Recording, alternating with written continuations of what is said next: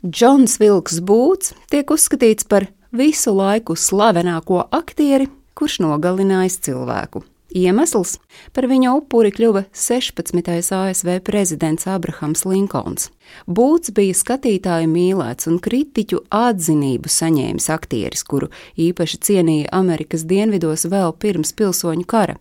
Kara laikā viņš nokļuva ziemeļos, un tad aktierī sāka rūkt neapmierinātība. Tikmēr pēc kārtas 16. ASV prezidents Abrahams Linkolns ir viens no ievērojamākajiem, iespējams pat ievērojamākais ASV vadītājs. Fermera dēls, kurš, pateicoties inteligencei, ārkārtīgai uzcītībai un krietnumam, pamazām kāpa pa dzīves panākumu kāpnēm, līdz sasniedza valsts vadītāja amatu. Viņš reformēja ASV, Atceļot apkaunojošo verdzību, izcīnīja uzvaru pilsoņu karā pār Dienvidu štatu konfederāciju, kas vēlējās verdzības saglabāšanu. 11. aprīlī aktieris Džons Vilks Būts noklausījās Linkolna runu, kurā prezidents paziņoja par gatavību piešķirt tiesības melnādainajiem.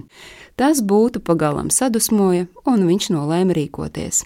1865. gada 14. aprīlī prezidents Linkolns kopā ar sievu devās uz izrādi mūsu amerikāņu brālēns Forda teātrī Vašingtonā.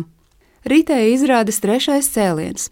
Brīdī, kad zālē skatītāji esot gardi smējušies, prezidenta ložā, kur atradās Linkolns, ienāca tobrīd vien 26 gadus vecais būts.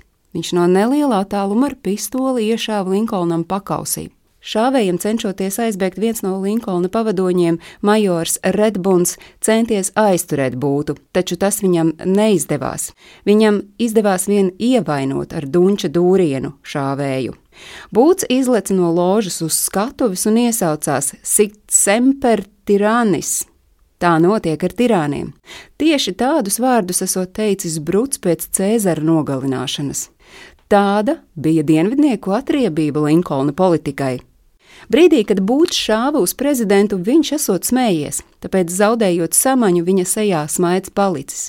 Kāda aktrise pēc notikušā teikusi, ka pēc tam, kad atskanēja šāviens, viņa paskatījusies trokšņa virzienā un ieraudzījusi Linkolnu bezsamaņā, ar uz krūtīm nolaistu galvu, bet ar smaidu sejā. Prezidents deviņas stundas atradās komā un nomira nākamajā rītā, 15. aprīlī, 7,22 minūtēs. Saskaņā ar dažām liecībām, Linkolns pēdējā elpas vilcienā esot pasmaidījis un tad atstājis šo pasauli. Viņa novērgušās sejas vaipstos iezīmējies neizsakāms miers. Abrahams Linkolns bija pirmais nogalinātais ASV prezidents, taču ne pirmais un ne pēdējais politiķis, kurš mīris no slepkavas rokas.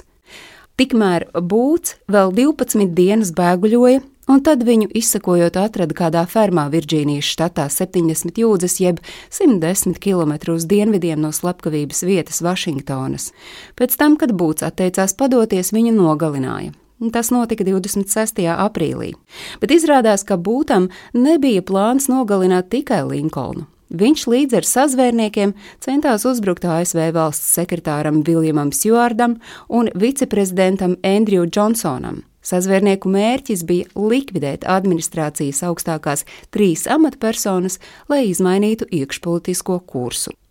Pēdējie divi uzbrukumi izgāzās. Stāstīja Agnese Drunka.